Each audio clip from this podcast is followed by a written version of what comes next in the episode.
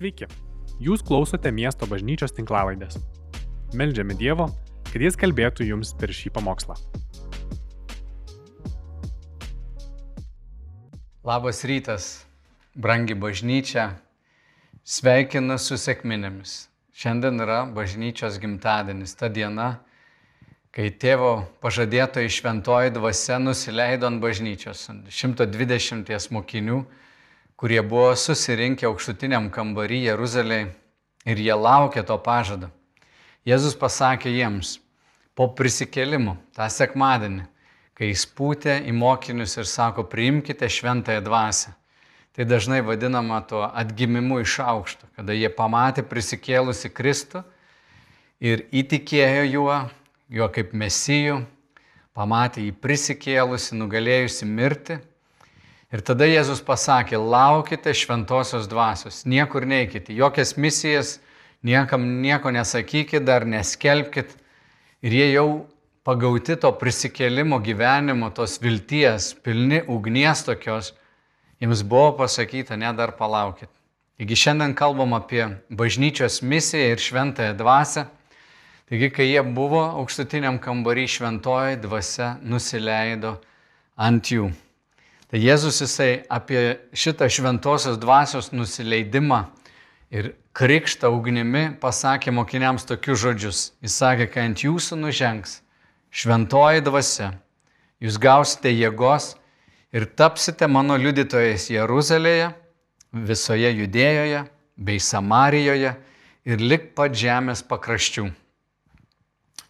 Toks buvo Jėzaus išpranašautas žodis, kuris ir įvyko per sėkmines, kad Dievo dvasia, kuri anksčiau būdavo skirta tik išskirtiniams tarnavimams, karaliams, pranašams, nusileido ant 120 mokinių iš skirtingų profesijų ir net skirtingų vietų. Ir čia prasidėjo didysis bažnyčios toks gimimas, judėjimas. Kartais krikščionis masto, palauk, yra tokie profesionalai krikščionis. Bet jiems, kaip apaštalams, yra duota kažkokia misija, bet aš esu tiesiog pardavėjas, ūkininkas ir aš neprofesionalas ir tai manęs neliečia. Noriu pasakyti tau, kad šitas mąstymas tikrai yra klaidingas. Paštalas Paulius sakė, kad yra žmonių kaip jisai, kurie eina ir tarnauja ir jie skelbia žodį, atsiduoda tai tarnystė visą laiką, jie iš to gali gauti ir ką pavalgyti ir jie gauna ir atlygį. Bet misija duota ne kažkokiem išskirtiniam vieniem profesionalam, bet šventoji dvasia nusileido ant kiekvieno. Ir kai paštalas Petras sėkminių dieną pamokslavo, jisai sako, atgailaukite ir primkite šventosios dvasios dovaną, kad jūs būtumėt pakrikštyti šventąją dvasę, jums būtų atleistos jūsų nuodėmės. Ir kiekvienas tą dieną, kai jisai pamokslavo, jie gavo šventosios dvasios dovaną kalbėjo kalbomis. Taigi toks išskirimas ir pasakyti, na, aš nesu krikščionis profesionalas ir aš neturiu misijos, galvoja, ką tai reiškia. Tai reiškia tiesiog, kad tu atsisakai to nuotykio su Dievu, tu sakai, man Dievo reikia galbūt pasimelsti, kai bus kažkada sunku, bet šiaip nematai savęs kaip bendradarbį, kuris yra misijoje. O kaip mūsų šitam trumpam video tokia, mes matom, kad tu gali būti su Dievu misijoje ir vairuodamas, tu gali būti ir kavinėje, ir darbe, ir šeimoje Šventoji dvasia kiekvieną iš mūsų nori naudoti. Šventoji dvasia apsigyvena mumyse visuose, kurie įtikėjome Kristų ir žino, kad tu turi misiją iš Dievo. Taigi, Jėzaus mintis buvo, kad mokiniai neitų jokią misiją, kol jie negaus šventosios dvasios. Ir apskritai, krikščioniškas gyvenimas yra toks gyvenimas su šventaja dvasia, kad Dievas nenumatė, jog mes kažkaip savo jėgomis ten keliais eidami, nusibalnoję savo kelienus per kraujus ir prakaitą kažkaip eitumėm ir vargtumėm tam krikščioniškam gyvenime. Ne. Jis davė mums šventąją dvasę, kad mes būtumėm pilni džiaugsmo ir mūsų tarnystė būtų klusnume jo dvasiai. Visas krikščioniškas gyvenimas yra toks įgalinimas per šventąją dvasę tarnauti mūsų Dievui. E, apaštalas Paulius laiškė romiečiams sako, visi vedami Dievo dvasios yra Dievo vaikai. Tai vienas iš išskirtinių bruožų, kad Dievo tautoje, į žydų ir pagonių, priėmė šventąją dvasę, yra šventosios dvasios vedami. Tai kai mes galvom apie bažnyčios misiją, iš tikrųjų jinai, na, vykdoma dažnai yra įprastų žmonių. Ir aš jau esu citavęs, man atrodo, popiežiaus tokią mintį pasakytą, kad bažnyčia pakeitė ne vienuoliai, ne kunigai, ne viskupai, ją pakeitė, pakeitė šventieji. Kai kurie iš jų buvo kunigai ir vienuoliai. Kai kurie buvo tiesiog, kaip sakom, pasauliečiai. Um, bet šventoji dvasia uh, veda Dievo vaikus. Kiekvienas Dievo vaikas yra šventosios dvasios vedamas. Ir ta žodis vedami, tai esamasis testinis laikas. Vadinasi, tai vyksta nuolatos. Šventoji dvasia nori mus vesti nuolatos. Jėzus sako, mano avis girdi mano balsą, atpažįsta mano balsą ir jos seka manimi. Taigi krikščioniškas gyvenimas tikrai nėra taisyklių laikymasis, tai yra santykis su vedančiuoju, santykis su tuo, kuris kviečia, kuris šaukia. Todėl mūsų bendravimas su Jėzumi, su šventaja dvasia yra neatskiriama krikščioniško gyvenimo dalis. Matai, yra du būdai, kaip mes galim turėti teisumą prieš Dievą. Ir jie vienas kitą yra išskiriantis būdai. Vienas kitam netgi priešingai. Įstatymas ir malonė. Įstatymas, ką reiškia būti teisiu. Aš toj nueisiu pakalbėti apie tą šventosios dvasios vedimą ir kaip mes bendraujam su Dievu, bet paklausyk trumpai vat, apie įstatymą ir malonę, nes tai yra labai na, kertinis suvokimas, kaip Dievas naujoje sandoroje atnaujina santyki su savo tauta.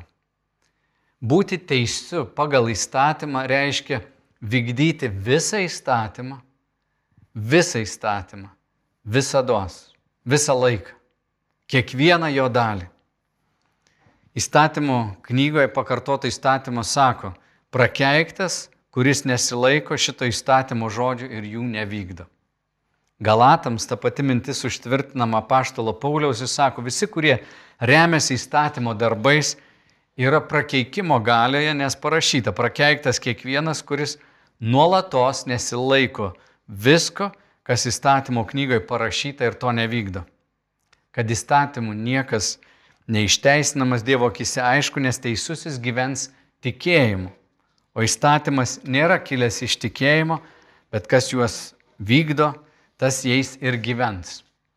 Ir dar viena mintis, Jokūbo parašyta, mat kas laikosi viso įstatymo, bet nusižengia vienu dalyku, tas kaltas dėl visų. Juk tas, kuris pasakė nesvetimauk, taip pat pasakė ir nežudyk. Tad jeigu tu nesvetimauji, bet žudai, vis tiek esi įstatymo laužytojas. Ar kas nors iš mūsų galim turėti tokią viltį, kad laikysimės įstatymo, viso įstatymo, visą laiką? Ir kai aš girdžiu kartais, žmogus sako, na, reikia laikytis įstatymą, tai jie dažniausiai turi keturis, penkis dalykus, ką reikia daryti ir keletą dalykų, ko nereikia daryti. Bet labai retai, kada įsivardins visą įstatymą, kas surašyta Senajame testamente, kas buvo Dievui duota, Dievo duota jo tautai vykdyti. Ir apaštalas Paulius sako, kad įstatymas tiesiog buvo mums duotas kaip auklėtojas, bet jis sako, eik daryk tą, daryk tą, iš tikrųjų tau neišeis niekaip įvykdyti įstatymą, nes nuodėmės jėga yra įstatymas. Įstatymas tik sužadina mumise tas aistras. Ir jeigu tu turi vilčių kažkaip, kad turiu patikti Dievui, laikydamasis viso įstatymu, labai klysti. Ir būk labai tarus, jeigu išgirsi žmogų, kuris sako, reikia laikytis įstatymu. Kodėl tu ten nedarai to, kodėl tu nedarai to, o jūs tai labai kažkokie keisti liberalūs, nes jūs nevykdo to ir ano. Ir man būtų įdomu pažiūrėti, kaip tam žmogui sekasi laikytis viso įstatymo visą laiką. Tai yra pragaištingas dalykas ir ką tik perskaičiau, kad niekas nebus įstatymų išteisintas. Vienintelis, kuris įvykdė visą įstatymą, yra Kristus Jėzus ir jis duoda mums savo teisumą, mums yra užskaitytas jo gyvenimo šventas būdas dovanai per tikėjimą iš malonės. Ir malonė yra priešinga įstatymui. Jie negali gyventi kartu. Jeigu yra malonė, ten nėra įstatymo. Jeigu yra įstatymas, ten negali būti malonės. Jeigu dėl įstatymo žmogus galvoja, kad gaus palankumą, patiks Dievui, tai ten nėra jokios malonės. Ir Paulius sako, kad naujoji sandorai yra malonė. Dievas dovanoja mums teisumą. Tai gali sakyti, tai ką tada reiškia krikščioniškam gyvenime, daryk, ką nori. Na, pagal malonę taip ir būtų. Daryk, ką nori ir vis tiek Dievas yra tau palankus ir geras. Tik apaštalas Paulius sako, nu tai būtų labai kvaila, jeigu tu darytum, ką nori. Tu gali daryti, ką nori, bet ne viskas naudinga. Ir sako, neapsigaukit, jeigu tu darysi tik tau, kas patinka, ką tu nori, kas tau šausi galvą, tai tu darydamas nuodėmę patapsi nuodėmės vergas. O Jėzus atėjo išvaduoti mus iš vergystės, kad mes vėl nevergautumėm nesąmonėm, kad mes nebūtumėm pavergti savo geismų. Taigi koks atsakymas? Atsakymas yra pasitikėjimas Dievu ir jo šventąją dvasę, kurią mums į širdis įrašyti Dievo įsakymai. Juk tau gali kas nors iš išorės pasakyti ir įstatymas visą laiką veikia iš išorės. Sauliau, nepavydėk. Ir aš žinau, Sauliau, nepavydėk. O šventoji dvasia man parodo žmogų ir sako, Sauliau, būk dosnus, padaryk kažką gero dėl to žmogaus. Vietoj to, kad pavydėtum, šventoji dvasia duoda kažką daugiau. Įstatymas sako, akis už akį Jėzus savo šventąją dvasę sako, melskis už savo priešus, atleisk jiems, pasirinktą nusižeminimo kelią. Ir šventoji dvasia, kai mes esam toj bendrystėje, šventoji dvasia mus veda ir lydi ir tai yra kitoks gyvenimas. Tai nėra toks kova, kiek yra pasidavimas. Tai netiek yra tokios grinos pastangos laikyti susiveržus savo diržus, kad aš tik tais kažkur nenupulčiau, bet tai yra pasilikimas Jėzaus meiliai. Tai yra pripažinimas savo. Aš negaliu įvykdyti Dievo įsakymą. Man neišeis. Aš jau dabar žinau, kad jeigu surašysi tą sąrašą ir aš jį skaitau, aš jį žinau, man neišeis. Tai ką tai reiškia, daryk kaip nori, elkis kaip nori. Ne. Pasiduok šventai dvasiai, puoselėk draugystę su šventaja dvasia. Šventoji dvasia tavy sužadins naujus norus, kuriuo anksčiau nebuvo.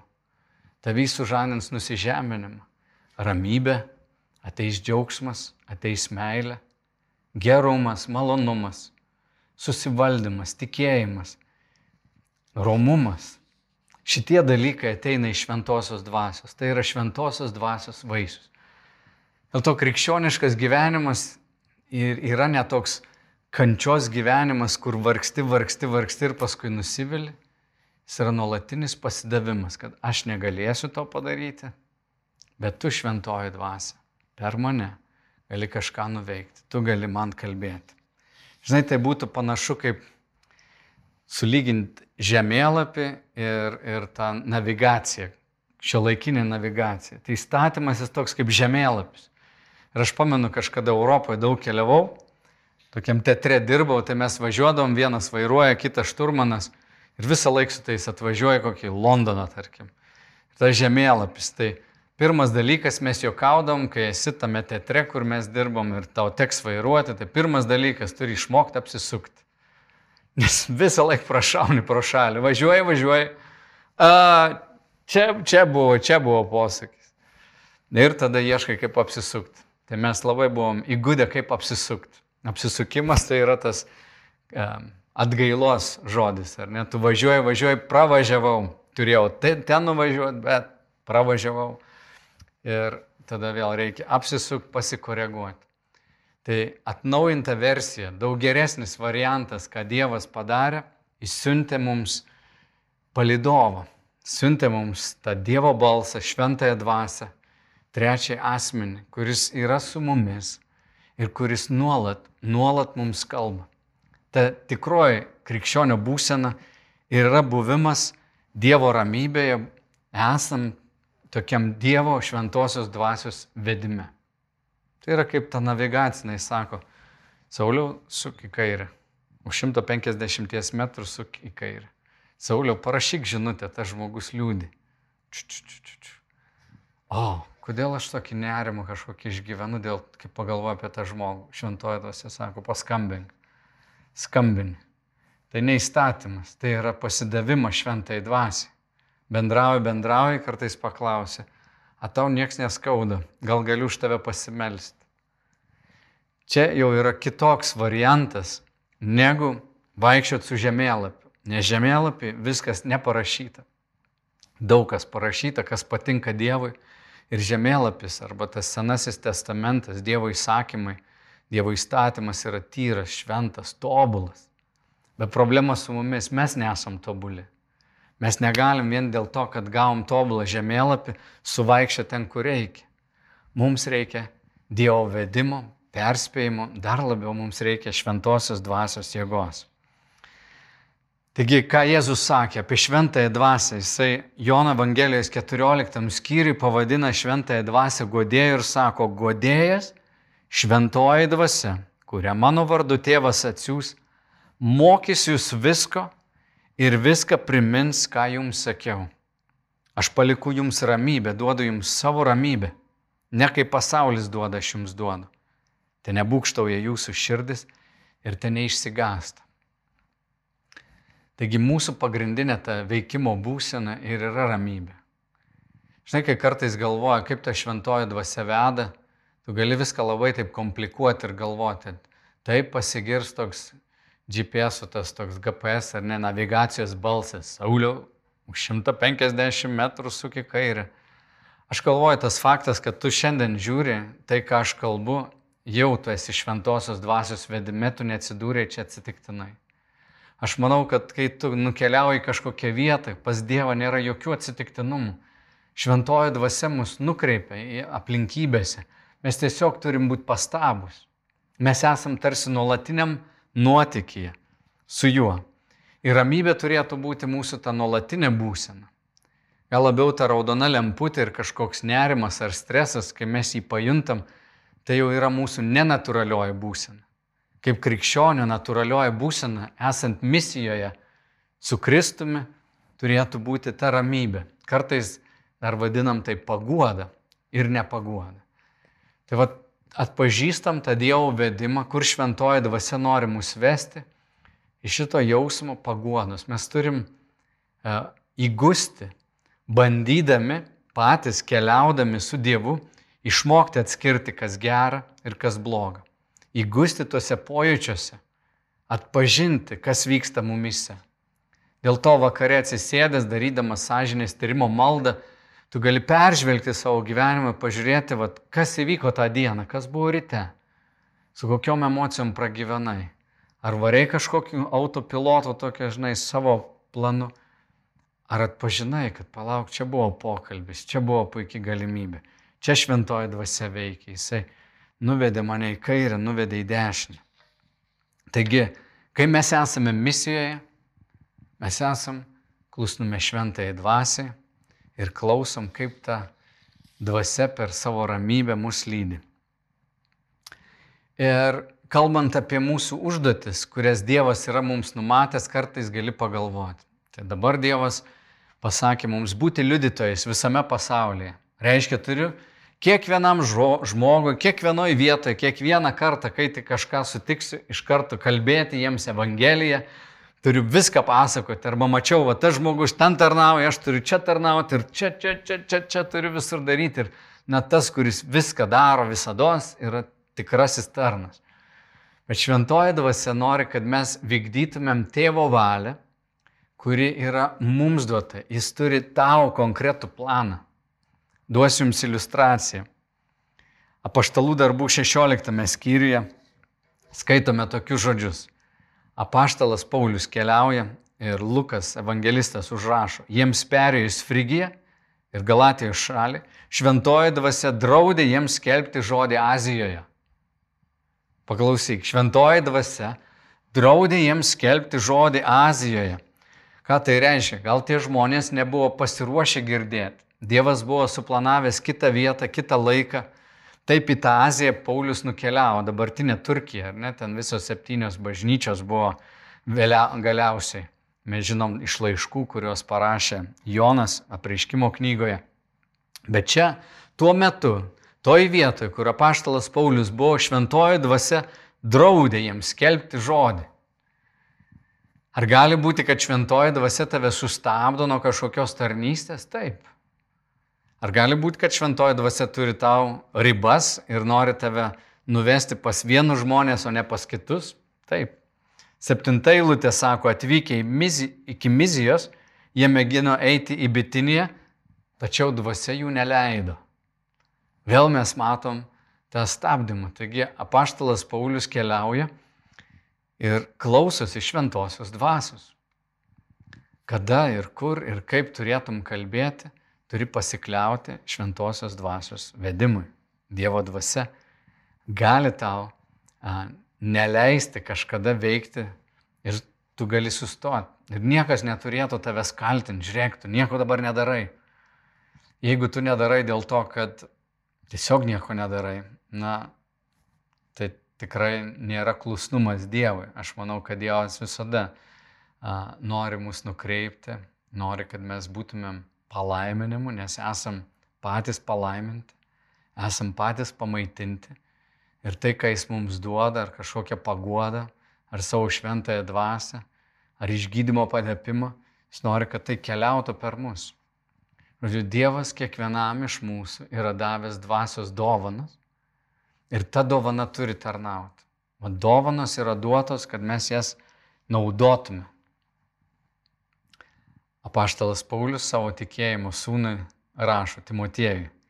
Todėl tau primenu, kad vėl uždegtum Dievo dovaną, esančią tavyje mano rankų uždėjimu.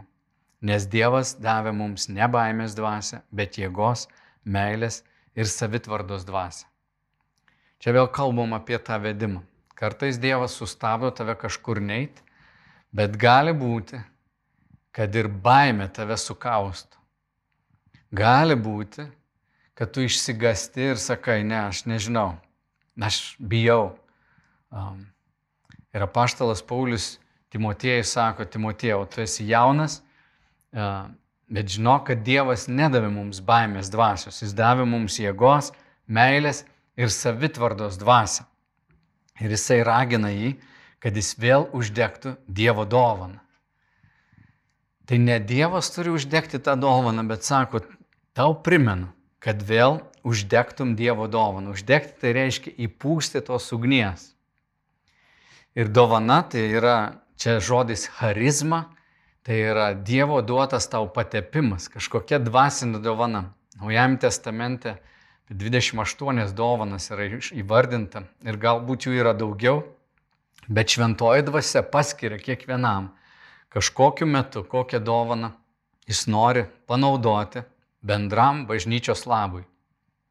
Taigi, dovana yra skirta ugdyti bažnyčią, bet dovanos taip pat yra skelbti Evangeliją arba nešti tą Kristaus misiją į šį pasaulį.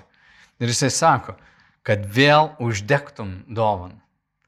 Tai yra tas dalykas, kada reikia žadinti Dievo dovaną. Mano gyvenime yra buvę daug kartų, kada atrodo, na, kaip, kaip išgaruoja vis, visos jėgos, atrodo, nieko nebesinori. Nesinori tarnauti, nesinori nieko daryti, nesinori nieko galvoti. Kartais apnikti įvairių piktų dvasių susidūrę su stipria dvasinė kova, kartais netenkam jėgų. Būna taip. Būna, kad baimės įslenka į mūsų širdis. Gali būti baimė net būti na, atmestų, baimė apsijuokti, baimė, kad man nepavyks, baimė, kas aš toks ir, ir, ir kodėl aš čia turėčiau dabar kažką daryti. Įvairūs melai, nesusireikšmink, kas tu toks, kodėl tu čia turėtum dabar eiti ir tarnauti. Įvairūs dalykai kurie gali užgesinti mumise tą karštą dvasę ir dvasios dovanos, kurios kažkada aktyviai reiškėsi mūsų gyvenime, staiga yra kažkur, na, padedamos į šoną. Timotėjai taip atsitiko. Jis primena Timotėjai ir sako, uždek. Aš nežinau, gal Paulius išgirdo iš kitų, kad jo dovana kažkaip, Timotiejus nebenaudoja tos dovanos. Gal tai buvo ganimo, mokymo dovana, nežinau. Um, kuria iš tų dovanų apaštalas Paulius sako, jį buvo tau suteikta mano rankų uždėjimu. Ir uždek ją. Ir aš meldžiu šventoji dvasia, uždek kiekvieno mano brolio sesės dovanas, kad jos tarnautų. Kad ten, kur tu esi, tomis Dievo dvasios dovanomis tarnautum Kristui.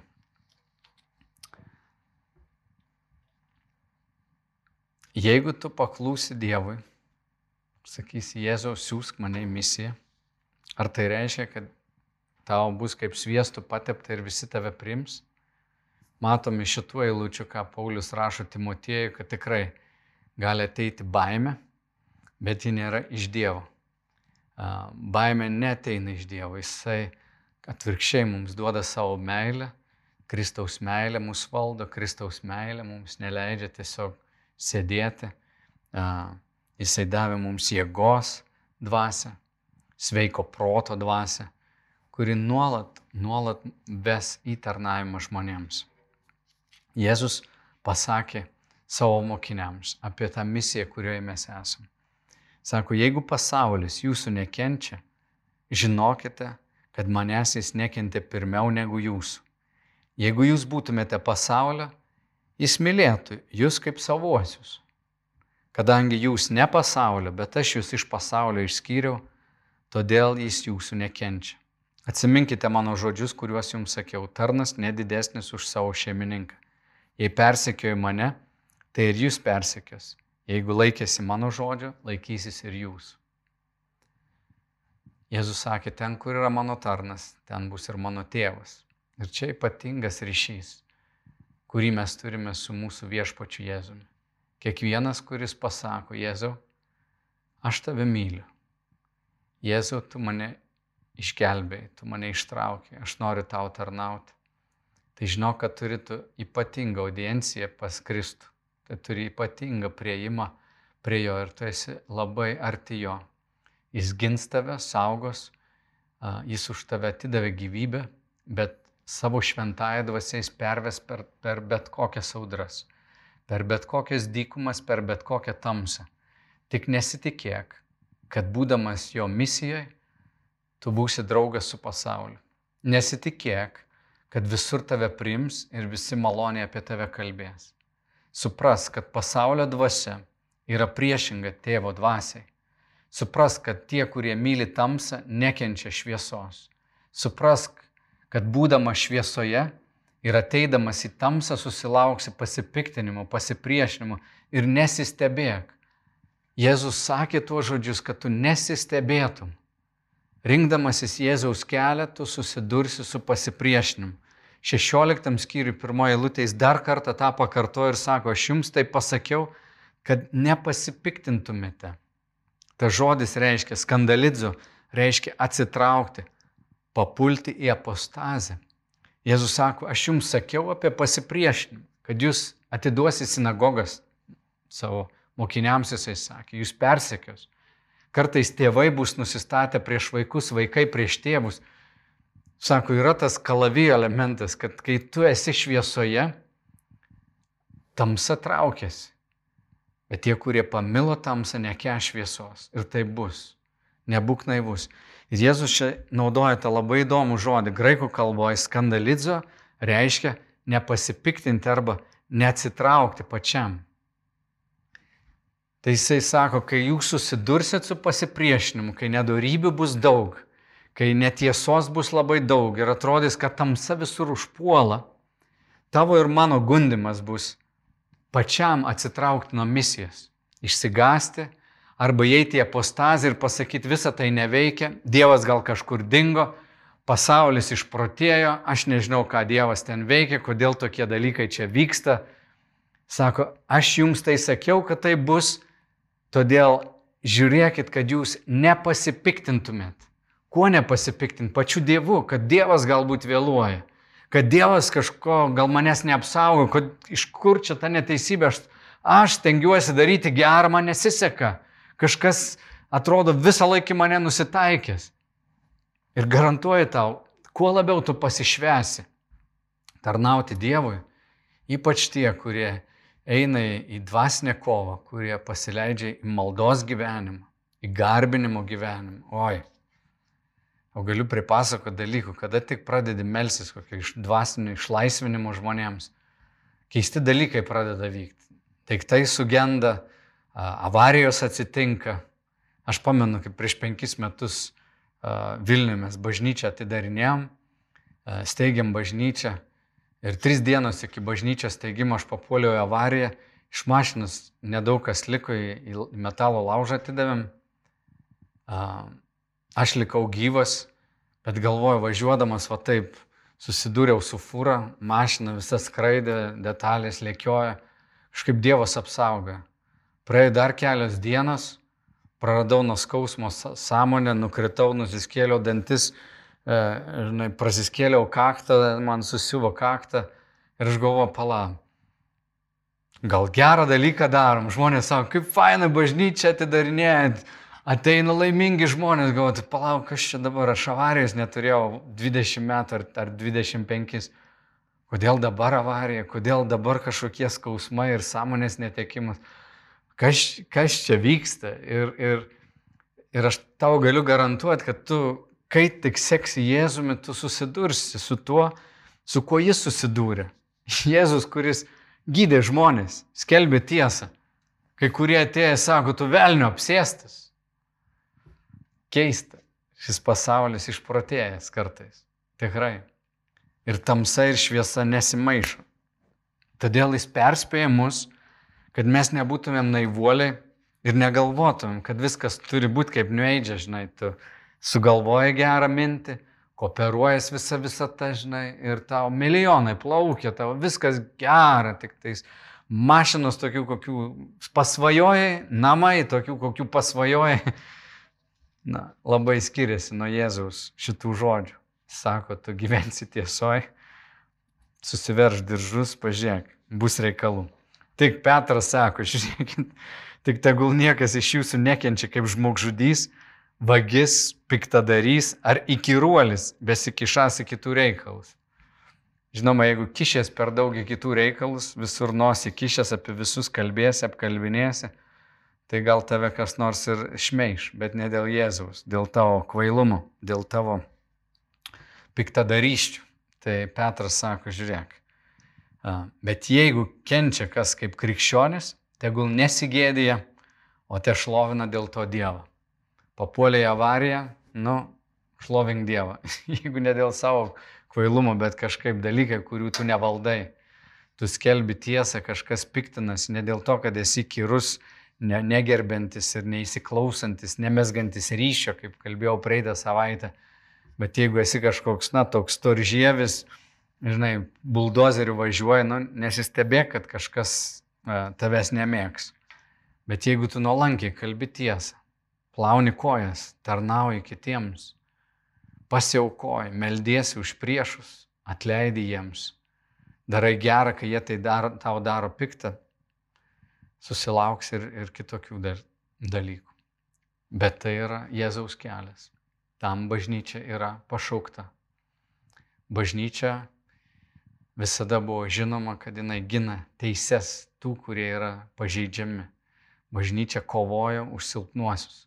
Ir kaip bažnyčia mes renkamės tą tokį kelią, kuris yra na, nenuperkamas. Mes būsim visada tiesoj, laikysimės Dievo žodžio, skelbsim Dievo žodį, ginsim silpniausius, kovosim vienas už kitą, bet būsim nuolankio širdies. Ir jeigu dėl to mus kažkas keiks, mūsų pašaukimas juos laiminti, melstis ir keliauti su juo.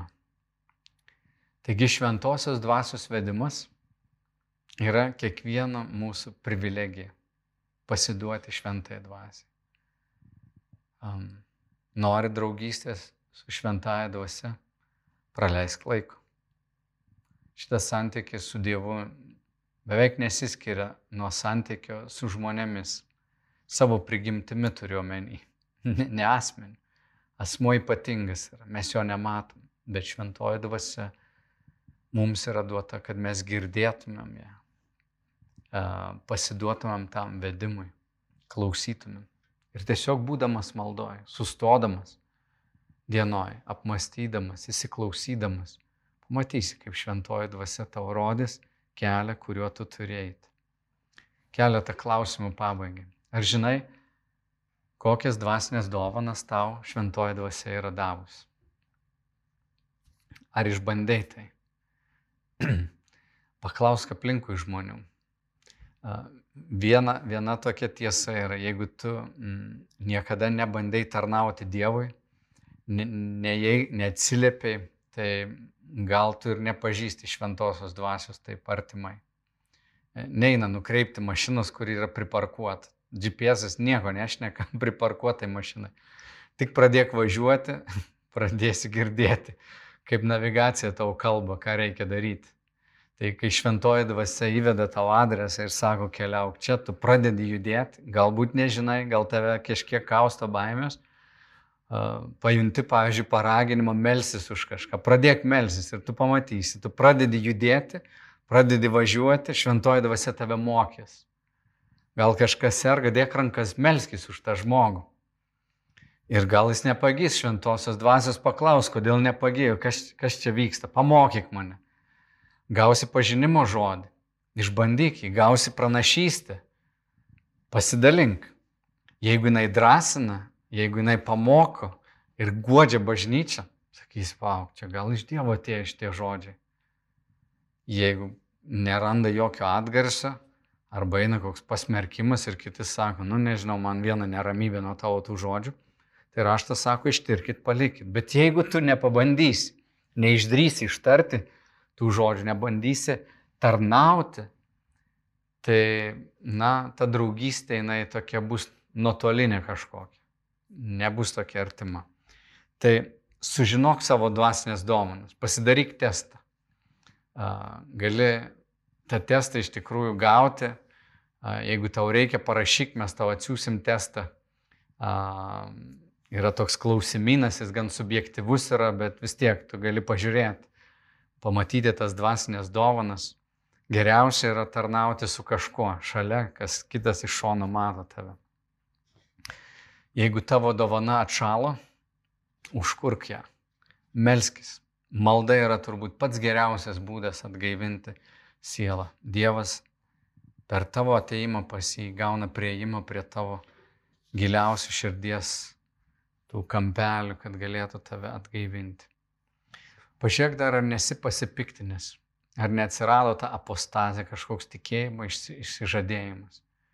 Žinai, šitie metai ypatingai daug sumaišties ir va, praeitą sekmanį apie tai kalbėjau, kaip mums svarbu būti tiems, kurie neša meilę, kuriam tą ryšį. Bet pažiūrėk, ar dėl didelio pasipriešinimo, dėl to, kad nedarybių tiek padaugėja, bent jau tavo akise gal, ar tavo širdis neatšalo. Tai buvo Jėzaus susirūpinimas ir jis apie tai kalbėjo kad bus kai kurių širdis atšalusios dėl nedorybės to pagausėjimo. Tai pažiūrėk, ar nėra taip, kad pasipiktinai kažkur a, nutolai.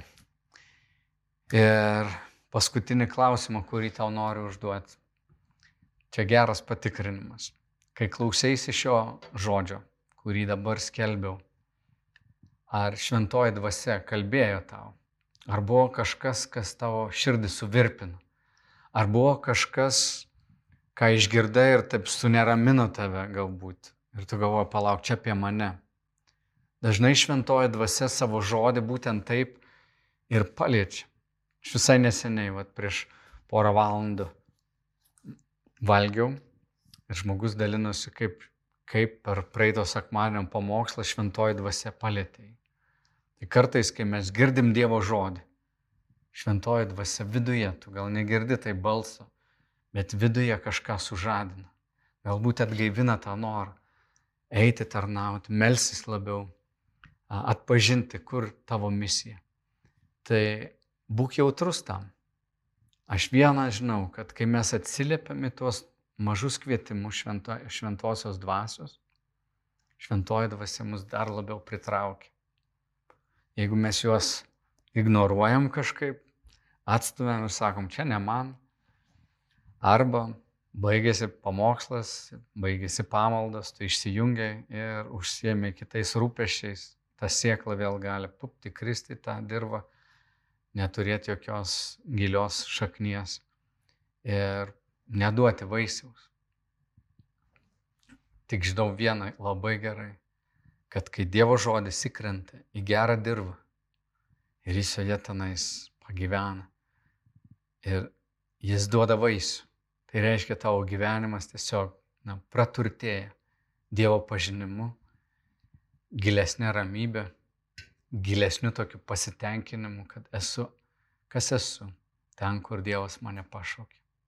Ir aš meldžiu šventoji dvasia už visą bažnyčią. Te tavo bažnyčia būna klusni tau. Leisk mums priimti tavo nukreipimus, tavo kvietimus, kad misija, kurią esi mums davęs, kiekvienam iš mūsų savo mieste, kad mes vykdytume tavo šventą valią ir būtum bendradarbiai su tavimi Jėzu.